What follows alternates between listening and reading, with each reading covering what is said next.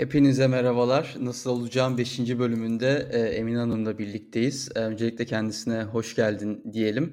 E, bugün yine e, takipçilerimizin iyi bildiği üzere e, muhalefetin seçime doğru gittiğimiz bu günlerde yol haritasını konuşuyor olacağız. Ve Emine Hanım'ın bu doğrultudaki görüşlerini alacağız. Şimdi başlamadan önce Emin Hanım isterseniz siz kendinizi de çok kısa e, tanıtın. Sonrasında ben tekrar bir giriş yapayım. İlk sorumuz çünkü e, nasıl bir aday profilinin olması gerektiği ile ilgili olacak. Kısaca e, gazeteci yazar diyebilirim. Yani sivil toplum, barış çalışmaları, demokratikleşme çalışmalarında yer aldım gazeteciliğin dışında. Ben de Medyaskop'ta bir program yapıyordum. Onun dışında işte e, kültürel incelemelerle ilgili bir yüksek lisans tezim var. E, herhalde bunlar yeterli olur. Ee, tekrar çok teşekkür ederiz teklifimizi kabul ettiğiniz için. İlk soruyla başlayalım hemen. Bildiğiniz üzere e, birçok konuşacak mesele var ama en nihayetinde muhalefet seçimi bir adayla kazanacak. E, bir isim olacak orada. E, ve benim de her zaman ilk sorduğum soru bunun kim ya da nasıl bir profil olması gerektiği e, sizin şu ana kadar gördüğünüz tabloda. Öncelikle aslında hani şimdiki ittifakı veya adayı e, konuşmadan önce biraz e, son 5-6 yıldır e, bu ittifaklar ve adaylarla ilgili bir şey söylemek istiyorum. Yani bir genel değerlendirme yapmak istiyorum. Baktığımızda aklıma şey sözü geliyor. Hani hubbu Ali'den değil buzu Muaviye'den diye bir söz var bilirsiniz. Ali sevgisinden değil Muaviye nefretinden. Yani biraz böyle aday seçimi veya işte o bir adayın etrafında ittifak oluşturulması genelde bu çerçeve üzerine. Yani adayın ya duyulan sevgiden, onun Türkiye ile ilgili hani de iyi şeyler yapacağından öte karşıdaki adaya olan e, tepki, nefret, öfke, korku bunları hep de olumsuz duygularla bir adayın etrafında e, toparlanma oldu şimdiye kadar. Ve e, tabii ki hani korku üzerine ya da işte öfke üzerine e, inşa edilen bir siyasi e, söylem veya ittifak zaten karşıda hep böyle bir e, uzun yıllardır böyle safları sıklaştırma e, yapılıyor. Hani iktidarın da kendine seçtiği yöntem bu ve çok daha iyisini yaparken hazır da iktidar da el, eldeyken hani biz ve onlar söylemiyle o yüzden niyet tekrar bir korku üzerine inşa edilen bir adaya yöneleyim diye düşünen daha geniş seçmen kalabalıkları ve sonrasında da işte seçim gecesi hüsran gibi bir sonrasında da tekrar e, muhalefetin toparlanamaması gibi bir geçmiş süreçler yaşadık. E, bu kez sanırım e, muhalefet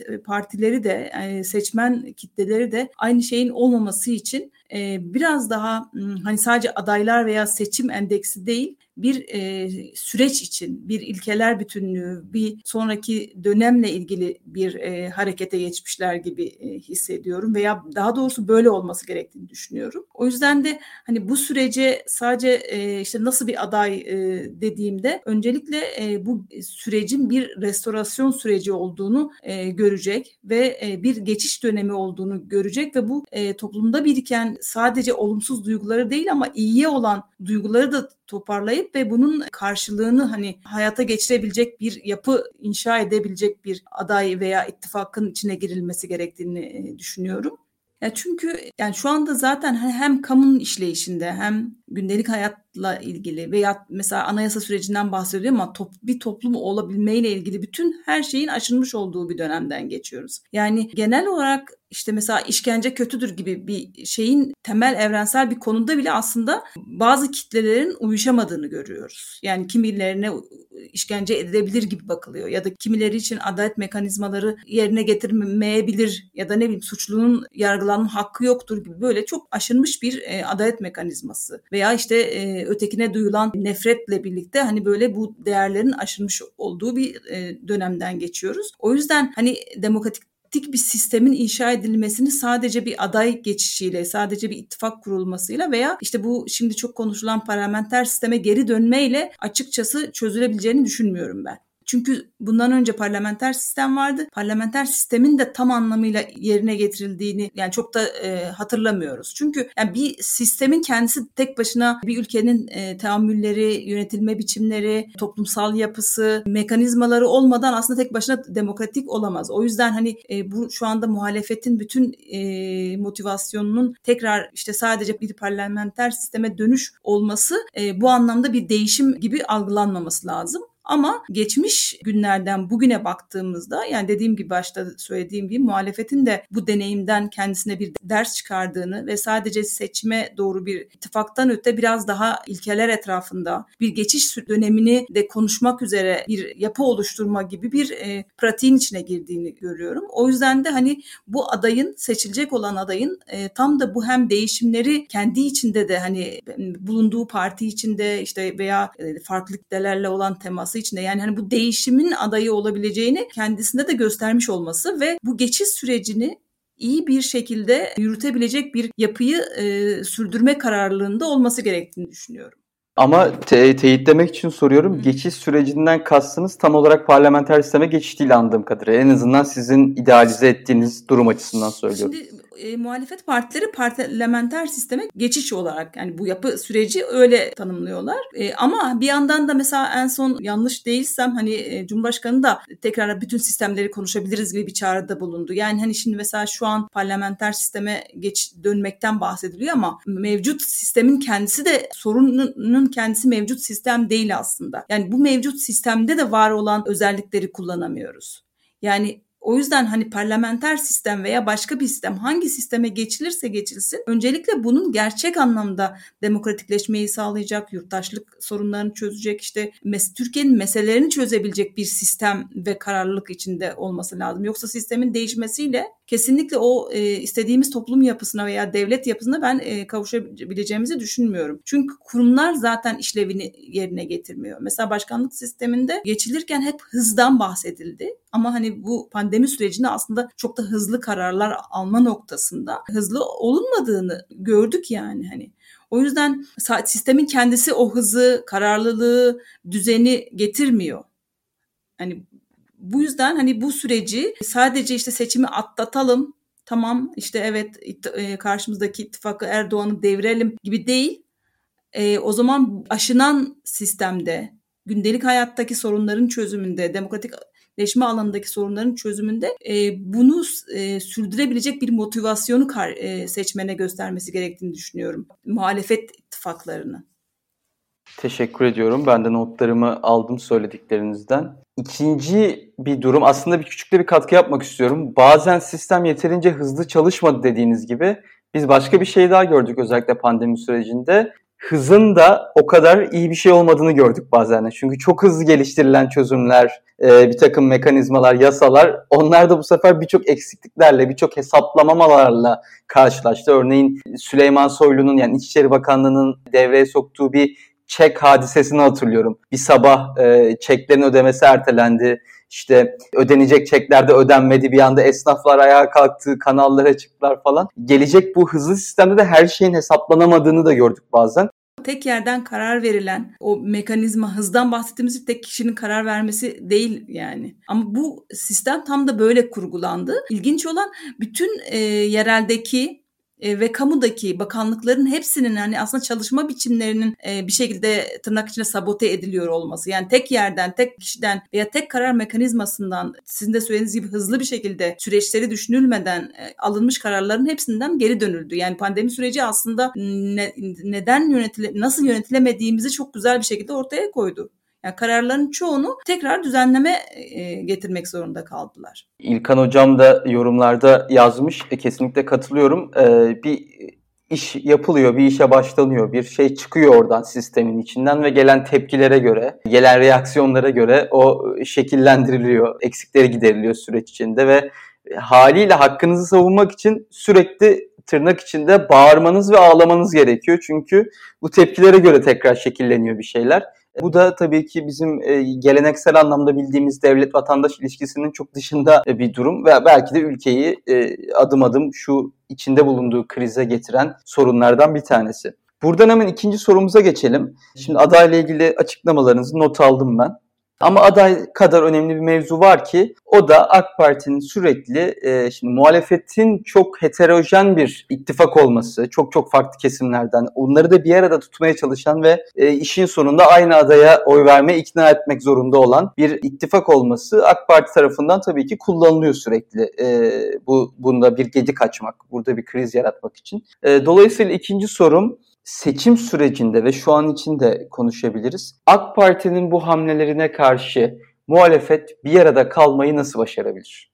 Şimdi baştan bahsettiğimiz bir ilkeler bütünüyle yani Türkiye'nin bu tekrar aşınmış sistemini, aşınmış ilişkilerini, aşınmış toplumsal yapısını restore edecek ya da işte reform süreçlerini tekrar hayata geçirecek bir ilkeler bütünü etrafında toplandığınız zaman aslında e, bence hani bu tarz böyle iktidardan gele, gelebilecek ittifakları bozmaya yönelik teşebbüslerin de bence sonuçsuz kalacağını düşünüyorum. Şöyle yani şimdi mesela Kürtler meselesi en çok ittifakın hani şey yapılacağı İyi Parti üzerinden hani dağıtma noktasında e, çok e, CHP'nin de elini sıkıştırma noktasında kullandığı taktiklerden bir tanesi nihayetinde burada Kürtlerin bir e, mes- yani yok denilse de e, demokratikleşme anlamında işte meselenin çözümü anlamında bir ortada bir sorun olduğunu haklarının yani Kürtçenin halen hani kon, sokakta konuşuluyorken bile bir yandan işte evet valilik Kürtçe kursları düzenliyor ama bir yandan da hani e, yasaklı bir dil, kabul edilmeyen bir dil gibi görülüyor kamu tarafından. O yüzden hani bunu temel yurttaşlık ve eşit yurttaşlığın getirdiği haklar üzerinden bir ilke ile yaklaşırsanız bu tabii mülteci meselesi için de geçerli, diğer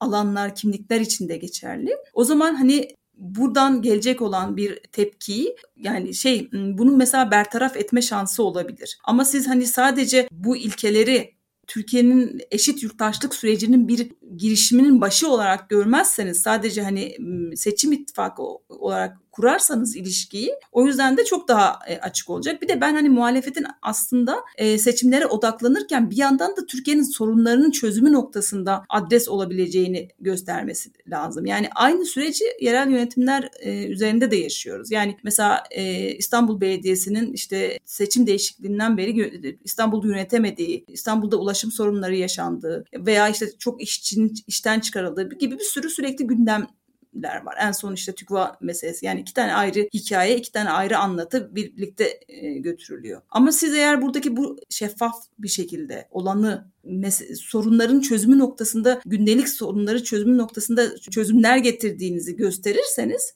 Mesela belediyeler üzerinden gelen e, bu tepkileri aslında halkı etkilemesine izin vermezsiniz. Aynı şekilde bu muhalefet e, şeyi içinde içerir. Mesela şu an pandemi süreci yani muhalefetin hiç mesela pandemiyle ilgili hani daha doğrusu hani e, vakalar halen e, yüksek bir şekilde devam ediyor. Ölümler sürüyor. Geçen sene bu kadar ölüm olduğunda hani bütün gündemimiz buydu. Mesela muhalefet de bunu hiç gündem etmiyor veya orman yangınları geçti gitti mesela hani sadece gündemme endeksli bir e, muhalefet e, yerine Türkiye'deki sorunların çözümü noktasında ona odaklanıp onunla birlikte siyaset üretilebilirse ben o zaman e, kutuplaşma üzerinden veya işte e, iktidarın bazı meselelerde muhalefeti sıkıştırma çabalarına karşı durulacağını düşünüyorum. Çok teşekkür ederim. Bu cevabınıza notları aldım. Sizde özellikle muhalefetin somut olarak bir garantör olması bağlamında belediyeleri öne çıkardınız anladığım kadarıyla. Onların yalnızca vaatler ya da söylemler değil, onların yani da şöyle, iktidar... Mesela ilkelerden bahsediyoruz ya. Yani eğer mesela siz Türkiye'de mesela genç işsizliği ya da işsizlik çok büyük bir mesele ve liyakat meselesi çok büyük bir mesele. Yani bugün mesela atanmış ama aslında kendisini kamuya karşı değil, kamunun hani e, millete karşı değil, biraz daha iktidara karşı sorumlu hisseden bir sürü bürokratı yöneticisi var. Ama e, yani muhalefet de bu tip konularda mesela liyakat meselesinde, işsizlik meselesinin çözümünde eğer eski statikocu davranışları gösterecekse mesela diyelim ki belediyelerde sadece parti ilişkileri üzerinden bir sistem kuracaksa o zaman zaten hani bunda e, yeni bir şey getirmiş olmasının bir anlamı olmayacak. Bu, ama bu tip konularda gerçekten çözüm noktasında ve ilkeler noktasında çözümler getirirse ben hani artık bu e, şeyden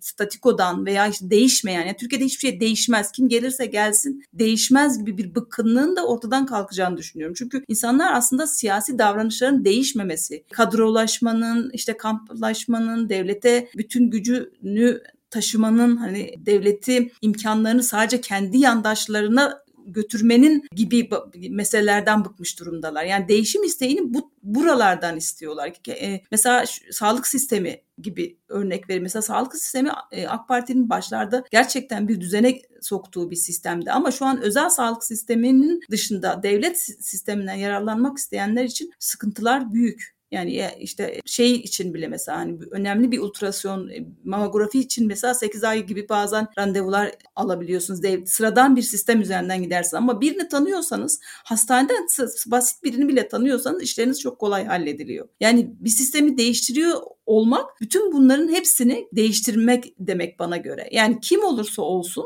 e, devlet hizmetlerinden eşit bir şekilde ve kolay bir şekilde yararlanabileceğini hissetmesi lazım e, seçmenin. Yoksa eğer öyle bir sistem vaat edilmeyecekse o zaman zaten kendime yakın hissettiğim, yanlışlarını bile bildiğim bir sisteme devam edeyim. Yani bilinmezliktense veya işte e, bazı yönlerle korkutan bir sistem, korkutan kişiler yerine zaten bildiğim bir sistem artık içinde yaşamaya alıştığım bir sisteme devam edeyim diye düşünebilir. Evet, tekrar teşekkür ederim yorumlarınız için. Ben de hepsine katılıyorum ve zaten yayının sonuna doğru konuşacağız. Neyin iyi neyin kötü gittiğini. O konuda da görüşlerinizi alacağım ama ben özellikle e, muhalefetin eski tip siyaset, bunu da tırnak içinde kullanıyorum. Eski tip siyaset yapma eğiliminde olan sesleri, kişileri ya da bir takım zihniyetleri şu ana kadar uzaklaştırma noktasında, siyasetin merkezine gelmekte uzaklaştırma noktasında başarılı bir iş yaptığını düşünüyorum. Ee, umuyorum da böyle devam eder. Gerekirse partiler çok ünlü isimlerinden bile partilerinden kopmasına e, göz yumuyorlar. Kendi çizgilerini devam ettirmek için bakalım nasıl olacak. Şimdi aday profilini ve ilkelerini konuştuk. Muhalefetin bölünmemesini konuştuk. Bir diğer mesele de e, hep e, dediğim gibi bu program tamamen nasıl olacak sorusuna benim kafamda belirlen şunlar şunlar cevaplanmalı e, sorular üzerinden oluşturuldu. Biz bir şey daha görüyoruz. Tugva meselesi bunun bir örneği belki. Şimdi Fox TV'ye dair bir e, soruşturma açıldı e, Başak Demirtaş'ı çıkardığı için. Dışarıdan fon alan basın kuruluşlarına dair bir takım yasalar e, görüşülüyor. Yani AK Parti elindeki devlet kaynağını gerek kolluk kuvvetleriyle olsun gerek kurumların ceza kesmeleri olsun, baskı olsun, işsizlikle tehdit etmek olsun, ihale dağıtmamak birçok yöntemi bütün seçim süreci boyunca muhalefetin üstüne kullanacak. Bir kısım insanlara göre de bu işte seçim sonucunu kesinlikle AK Parti bu yüzden e, şey yapmaz. Kendi aleyhine olacak şekilde izin vermez. Bu baskı mekanizmanı devreye sokar deniyor. Sandığa da bir güvensizlik oluşuyor insanlarda. Sizce bu olay ne derece etkileyebilir seçimi? Etkilerse nasıl muhalefet ne yapabilir? Sonuçta muhalefetin elinde e, hakim yok, muhalif hakim diye bir şey ya da kolluk kuvveti yok.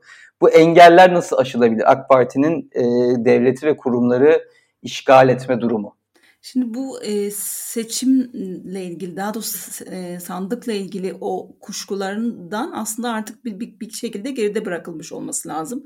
En son yerel seçimlerden. Yani eğer muhalefet işte bir şekilde mesela tam da yerel seçimlerde olduğu gibi odağını yerel seçimlere doğru hani hükümet e, şey iktidar bunu hatırlarsanız büyük bir genel seçim havasına sokmaya çalıştı. O yüzden hep çok kullandığı biz ve onlar söylemleriyle kutuplaşma üzerinden daha önce yaptığı gibi bir seçim kampanyasıyla ve hani adayımız ve bizim kendimiz yeteriz gibi bir şekilde e, bir seçim süreci geçirdi ama nihayetinde muhalefet bunu yerel yönetimler ve yine bir şekilde e, yerel yönetimlerdeki sorunların çözümü noktasında bir motivasyonla e, yürüterek seçim başarısı elde etti ve hatta sonra İstanbul seçimlerinde büyük de bir fark yaşandı. O yüzden hani bundan bir kere hani e, geri durulması gerektiğini düşünüyorum. Evet bir yandan gerçekten hani bütün medya gücünü, bütün e, işte e, polis, asker, savcı, ne bir yargı mekanizmaları, adalet mekanizmalarını çoğu zaman e, şekillendiren ve bütün hani kamuoyundaki şeylere tepkilere rağmen bazen geri adım atmayan e bir yandan işte e, sorunlar devam ederken adaletle ilgili hukukla ilgili e, sorunlar devam ederken bir yandan da işte sürekli e, ana, yeni anayasadan bahseden bir yapı var önümüzde.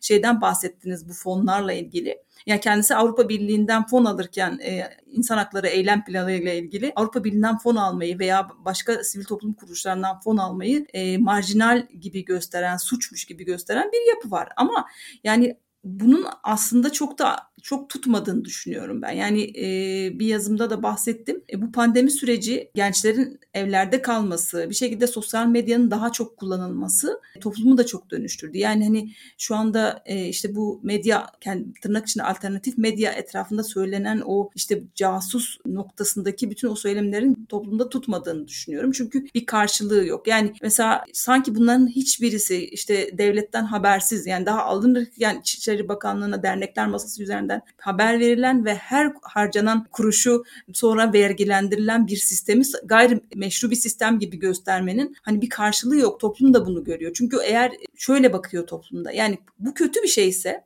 niye siz kullanıyorsunuz. Yani bakanlıklar kullanınca, hükümete yakın dernekler kullanınca hiçbir sorun olmayan bir şey. Muhalefet kullanınca ya size yakın olmayanlar kullanınca niye suç? Bir kere hani bu ayrımı artık e, görülüyor. Onun dışında da seçimler yapılmaz vesaire gibi şeylere de ben hani e, kulak asılmaması gerektiğini düşünüyorum. E, bu sonuçta er geç seçim ortamı gelecek. Yani erken seçim tartışmaları bir yandan şimdi durdu. E, yani bir seçim sandığı kurulacak. Burada baştan beri konuştuğumuz o değişimi ve hakikaten artık bir e, rövanş isteğine kapılmadan bunları da hani belki çok konuşuldu bu mesele.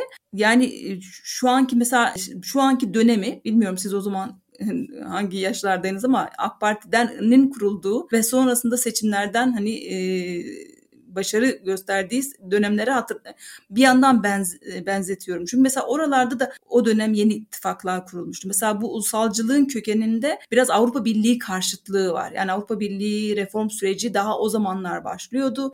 E, ve AK Parti aslında bunun Türkiye'deki ihtiyacı ve değişim ihtiyacını, reform ihtiyacını belki e, fark ettiği ve bunu bir şekilde başlattığı için bu kadar geniş kesimlerden ilgi gördü. Şu anda da yine aynı şekilde bazı farklı ittifaklar kuruluyor. O yüzden mesela değişiyor yani sürekli bu şey ve toplum aslında bu hem e, alternatif medyayı, sosyal medyayı, an, yani mesajlaşma programlarını bile haber için kullanan bir toplumdan bahsediyoruz. O yüzden hani sizin siyasi mühendislikler veya işte medya eliyle, devlet medyası eliyle sürekli hamaset ve e, propaganda gibi yapılan o e, işlemlerin aslında ben çok da karşılığı olmadığını düşünüyorum. Yani izlenme oranları ortada. Bir e, mesela bir tweet yazıyorlar, altındaki mesajlar ortada. Yani insanların tweet yazarken bile gözaltına alınabileceği ve veya kapısına polis gelebileceği bir ortamda çok rahat e, sosyal medyada gençlerin mesela duygularını, düşüncelerini dile getirdiklerini görüyoruz. Yani hani o korku eşiği bir yandan da aslında ister istemez aşılıyor ve o yüzden muhalefetin de bunu görmesi lazım. Yani hani o korkuyu özellikle siyasilerin dillendirmemesi lazım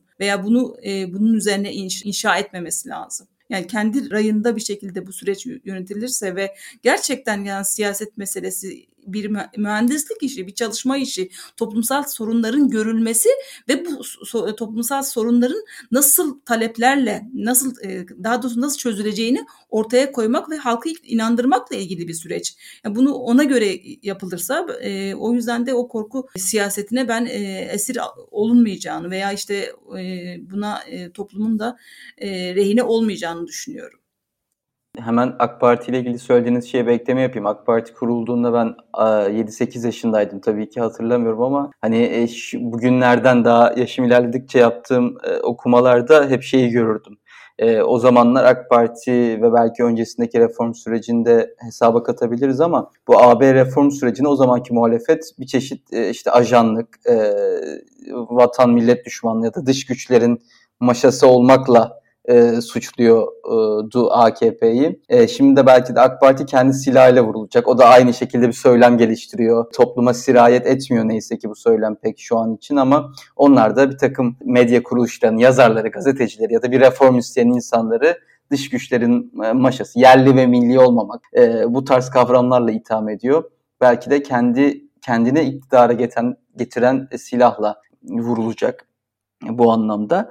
İkinci bir şey bence bu pandemiyle ilgili söylediğiniz şey önemliydi. Ben özellikle herhangi bir konuk gerçekten hiçbir konunun henüz söylemediği bir şey söylediyse onu böyle tekrar ediyorum, vurgulamaya çalışıyorum. Ee, pandemi sürecinin bu anlamda muhalefete dijitalleşmenin artık yaş fark etmeksizin, ülkede yaşanılan konum fark etmeksizin dijitalleşmeyle birlikte muhalefetin alanı kesinlikle arttı dediğiniz gibi. Ee, bu o söylediğiniz çok önemliydi bence. Geleneksel medyaların ve onların bol bol fonlarla yaptıkları işleri aşabilir hale geldi muhalefet. Sesini daha fazla duyurabilir hale geldi. Ve daha da önemlisi burada yapılan tartışmalar, kavgalar, çıkışlar artık amiyane tabiriyle söyleyeyim kahvede konuşulur oldu. Oraya in, inde oradaki e, olaylar sosyal medya olsun, dijital mecralar olsun. Bence bu AK Parti'nin e, hem öngöremediği hem de kontrol de edemeyeceği bir şey.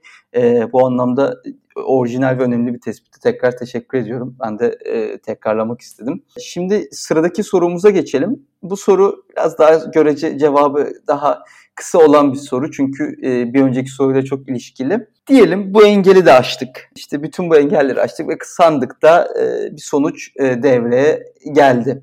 Muhalefetin bir zaferiyle e, karşılaştık. Yine başka bir takım bu nasıl olacak ya bu işler diyen insanların sorularından bir tanesi de ya bu seçim gitse de AK Parti içinde ne olacak? Bunlar koltuk değişimi nasıl sağlanacak? Yani Erdoğan gelip yeni seçilen Cumhurbaşkanı'nın elini sıkıp devir teslim töreni mi yapacak bu kadar kutuplaştırdıktan düşmanlık yarattıktan sonra işte AK Parti'nin içinde bir takım pazarlıklar döndürmek gerekecek diyenler var. İşte hiçbir şeye dokunmayalım, öyle sözler verelim, hiçbir e, geriye dönük bir soruşturma olmasın, bunlar konuşulacak diyenler var. Yani bu sandık değişimi, koltuk değişimi özür dilerim, sandığın sonucunda koltuk değişimi süreci hakkında siz bir endişeniz var mı? Ya da muhalefet şuna dikkat etmeli, şurada şöyle bir süreç olmalı dediğiniz bir e, yol haritanız var mı? Zafer sonrası yani sandıktan o akşam muhalefet çıktıktan sonra. Şimdi zaten eğer muhalefet seçim sandığını bütün ilkelerin veya işte e, adalet mekanizmalarının lağvedildiği bir gece olarak görüyorsa o zaman zaten biz bu Türkiye'de yani bu şekilde yaşamaya devam edelim yani. Öyle bir şey olmayacağını düşünüyorum. Yani nihayetinde işte diyelim ki gerçekten hani hem bütün gücüyle geldi muhalefet. işte e, AK Parti bir kere zaten ben hani AK Parti'nin ANAP gibi böyle birden eriyen bir parti olacağını düşünenlerden değilim. Halen bir oy oranı, bir kitlesi olacak ve devam edecek bir e, parti. Belki kendi içinde daha yakın e, partilerle de farklı ittifaklar da kurabilir. Yani onları da bilemiyoruz ama bir kere şöyle bir durum var. Yani hani Erdoğan ve AK Parti'nin pragmatistliği hem siyaseten de öyle hem de devleti yönetirken de çok e, yüksek. Yani mesela Paris İklim Anlaşması kaç yıldır gündemdeydi? Hani hiç konu edilmiyordu. Birden meclise geldi işte geçildi.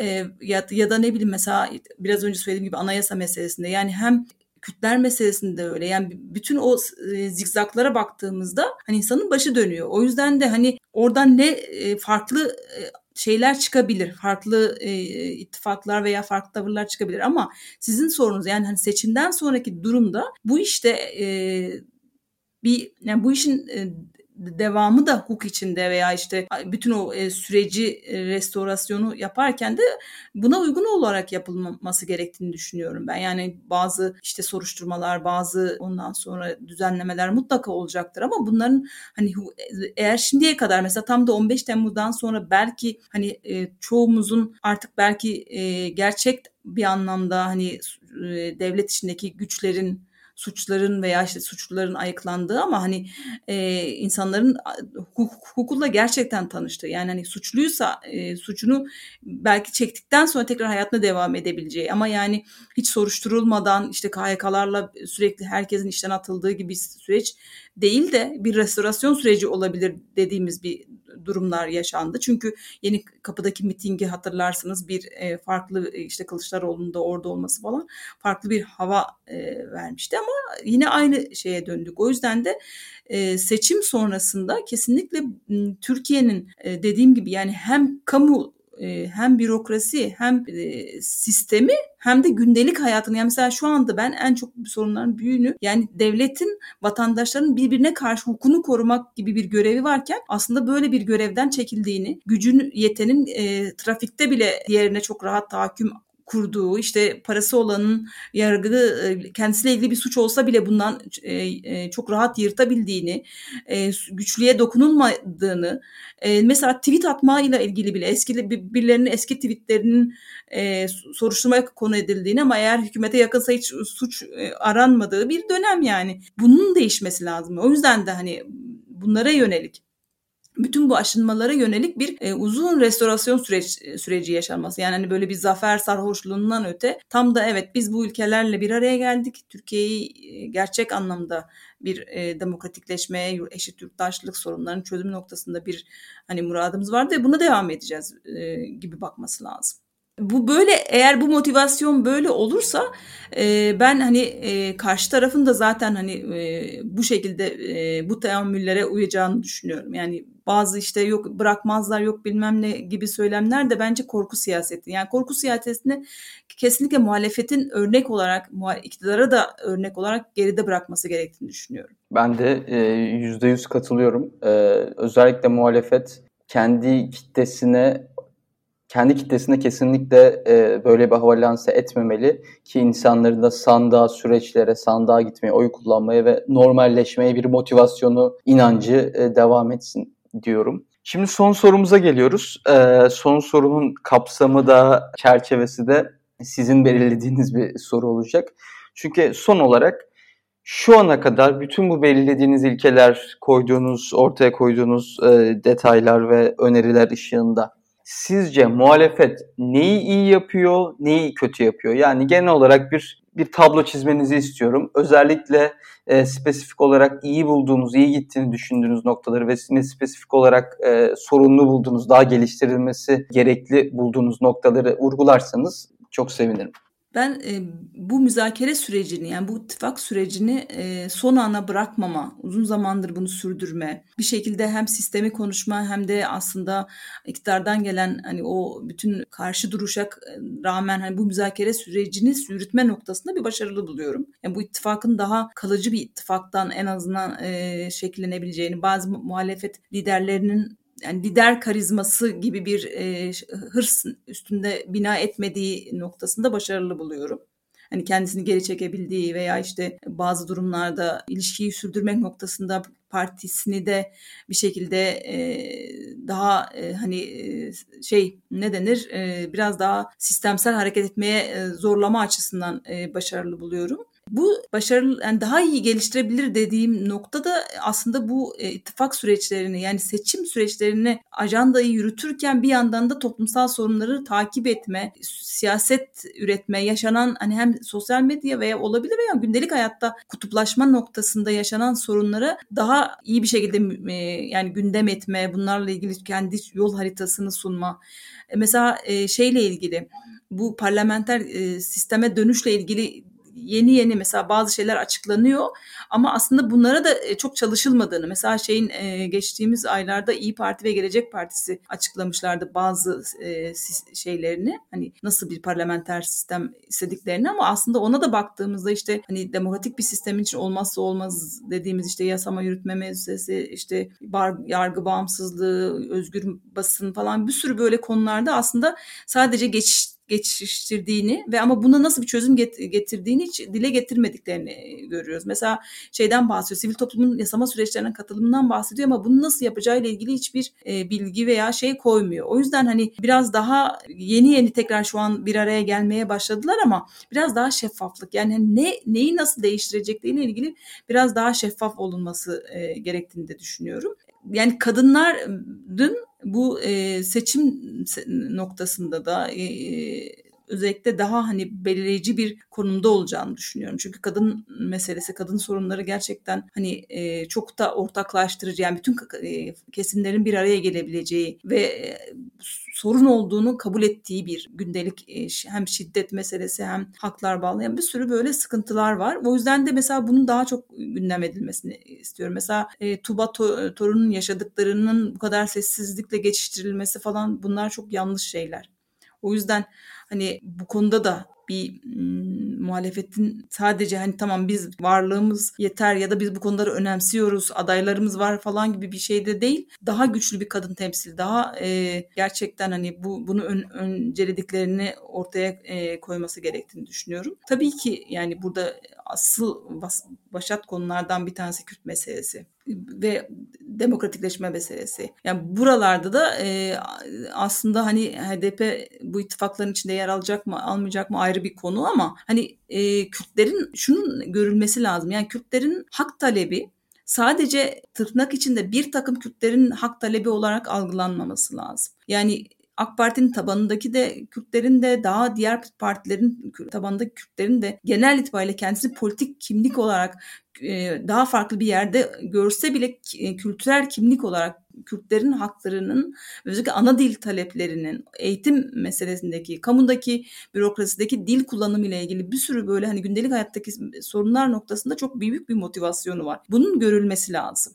O yüzden de hani bazı kesimleri hani görmeden, onların taleplerini duymadan bir muhalefet e, sürdürmenin artık yeterli gelmeyeceğini düşünüyorum. Çok teşekkür ediyorum. Benim sorularım bitti. Eklemek istediğiniz bir şey var mı?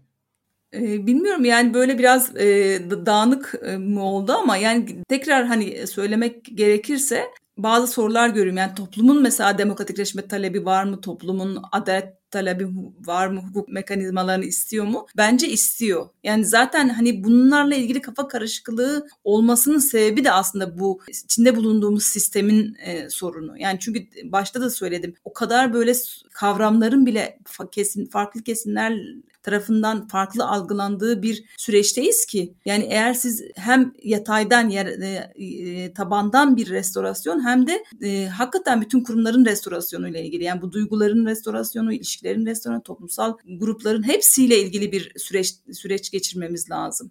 Yani ondan sonra belki anayasa meselesini gerçek anlamda konuşabiliriz. Yani Türkiye çünkü şu anda temel yani anayasayı eğer bir temel sözleşme olarak ele alıyorsak bu konuda hani toplumsallaşma noktasında sıkıntıları olan belki bir dönem aslında AK Parti'ye duyulan tepkinin de e, arkasında bu var. Yani AK Parti bir dönem e, tam da bu Türkiye'nin e, kemikleşmiş bazı sorunlarını çözebileceği noktasında çok geniş kesimleri ikna etti. Ama e, bunu geldiğimiz noktada yani yapamadıkları bir yana insanların hani bütün e, duygularıyla oynama yani hani yapmamanın verdiği rahatlığın yanında bir de hani e, sürekli kendi medyasıyla kendi oluşturduğu koridor sistemiyle farklıymış gibi göstermeye çalışıyor. Yani hani mesela o tarafa baktığımızda hiçbir sorunun olmadığı günlük gündelik hayatın yolunda gittiği sadece İstanbul'da belediye değişikliğinden beri bazı sıkıntıların yaşandığı bir ülke görüyoruz. Ama hani gerçek hayatta baktığımızda da sorunlar var. O yüzden de hani bu öfke hali. Çünkü hani e, insanlar e, yok sayıldığı için, sorunları görülmediği için de bu kadar öfkeli. E, o yüzden de ben hani e, halktan e, halkın tabii ki talepleri var. Ama bu talepleri karşılayacak mekanizmaları görmek istiyor karşısında. Yani ben e, bu yüzden de e, kesinlikle halkın e, demokratikleşmeyle, hukukla ilgili, adaletle ilgili talepleri olduğuna inanıyorum. Ben de size katılıyorum ve AK Parti'nin bana göre sıkıştığı meselelerden bir tanesi de şu an o kadar kemik ve o kadar gerçekten bu sistemden nemalanan bir grup insanla baş başa kaldılar ki hem medyada hem parti içi yönetimde. Şu an için bir şey bir şey yaratmak, bir çıkış yolu bulmak için çok insanla belki de yollarını ayırmaları gerekecek. Çok kalpler kırmaları gerekecek kendi içlerinde. Bu da biraz şey bir şey, oksimoron bir kavram. Yani şu an bu partiyi bu hale getiren insanlar, bu sistemin merkezinde insanlar e, şey demesi lazım. Yani yok işte biz beceremedik ve bizim siyasetimiz e, zarar verdi. Biz çıkıyoruz işte A, A Haber'den 30 tane yapımcı diyecek ki yok yani bizim bu kutuplaştırıcı yayınlarımız izlenmiyor da e, bir şey de yaramıyor. Biz de bırakıyoruz. İşte biz kanalı kapatıyoruz. Biz gazete yok. Kamu kaynağı istemiyoruz. Siz gidin bunu halka dağıtın. E, biz de gazeteyi kapatıyoruz. Bize reklam gelir vermeyin artık. Yani böyle karikatürize bir e, kendi kendilerinin yarattıkları, kendi nemalandıkları şeyi bitirecek bir çıkış gerekiyor. Bu da tabii ki herkesin yapabileceği bir şey. E, bunu yapmadıkça da parti daha da sıkışıyor. Daha da bir şey üretemiyor. Daha da bir çıkış yolu. Çünkü şu an hali hazırda medyadaki temsilcileri, siyasetteki temsilcileri bu siyaseti bilen insanlar. Bu tarz e, konuşmayı, bu tarz şeyler yapmayı, bu tarz ilişkiler kurmayı becerebilen insanlar. E zaten başka bir tarz siyaset yapmak isteyen insanlar belki de çoktan ayrıldı. Bazıları başka parti kurdu, bazıları siyaseti bıraktı, bazıları küstü, bazıları e, başka hale geldi. Belki de AK Parti'nin e, benim açıkçası neden umutlusun, yani neden AK Parti bir çıkış yapıp e, tekrar durumu toparlayamaz e, denildiği zaman benim verdiğim cevap genelde bu. Siz de çok güzel açıkladınız zaten. Ama e, herhalde en kilit eleştiriniz e, bu güzel giden müzakere ortamını, bu güzel giden egolardan alındırılmış liderlik e, ortamını, iletişime açıklığı biraz somut taleplerle ve, ya da somut bir siyasetle de e, en kısa sürede bütünleştirmek son darbeyi vuracaktı belki de bu muhalefet ivmesine, yükselen muhalefet ivmesinin itekleme anlamında. Var mı eklemek istediğiniz bir şeyler? Ben böyle bir e, sizin sözlerinizi de toparladım. o zaman çok teşekkür ediyorum sizlere. Eminim ki daha bu uzun maratonda çok farklı farklı platformlarda, programlarda daha bir arada oluruz. Tekrar çok teşekkürler zaman ayırdığınız için. Ee, böylece de ve size hoşçakalın. Nasıl olacağın 5. bölümünde sonuna geldik. İyi akşamlar.